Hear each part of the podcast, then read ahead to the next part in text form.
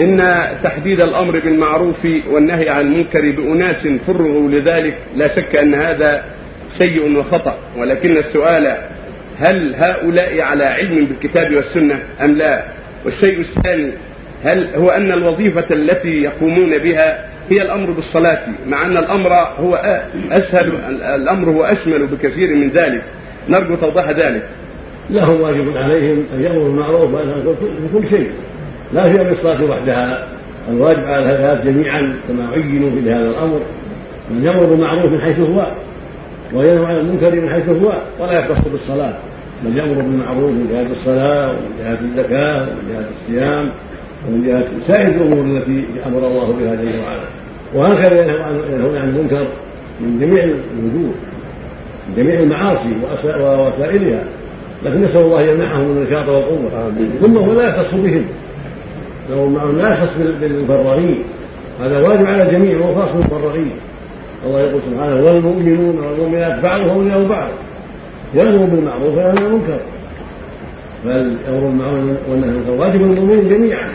المفرغ غير المفرغ وليكن معاش لما في المعاش واجبهم جميعا أن يقوموا بهذا الأمر. وليس خاصا بالموظفين فقط لا. قال الرسول صلى الله عليه وسلم من رأى منكم منكرا فليغيره بيده. فإن لم يستطع فبلسانه فإن لم يستطع بقلبه وذلك أضعف الإيمان رواه مسلم الصحيح. هذا عام للجميع قال عليه الصلاة والسلام ما بعث الله من نبي في أمة قبلي إذا كان له أمة حواريون وأصحاب يأخذون بسنته ويأخذون بأمره ثم إنها تخلو بعد الخلود يقولون ما لا يفعلون. ويفعلون ما لا يؤمرون. فمن جاهدهم بيده فهو مؤمن ومن جاهدهم بلسانه فهو مؤمن ومن جاهدهم بقلبه فهو مؤمن. وليس وراء ذلك من الايمان حق تفرق الواجب على المؤمن أن يكون نشوطا في هذا الأمر. ولا يكل الأمر إلى الهيئات لا هذا نقص عظيم خطر كبير. الواجب على الجميع أن يكونوا جنودا لله سبحانه وتعالى. وان يكون امارا بالمعروف عن المنكر في جميع الأحوال لا بالوظيفة ولا بالأمر الرسمي ولا بالمعاش. بل بل بالأمر الامر من جهة الله بأمر الله ورسوله.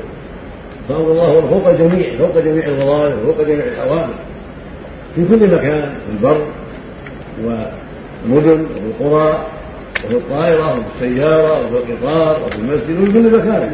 يكون من عنده النية الصالحة والحسبة والنشاط في الخير مع مراعاة الرزق والأسلوب الحسن مع مراعاة الحلم والصبر والأسلوب الحسن في إنكار المنكر والدعوة إلى الخير.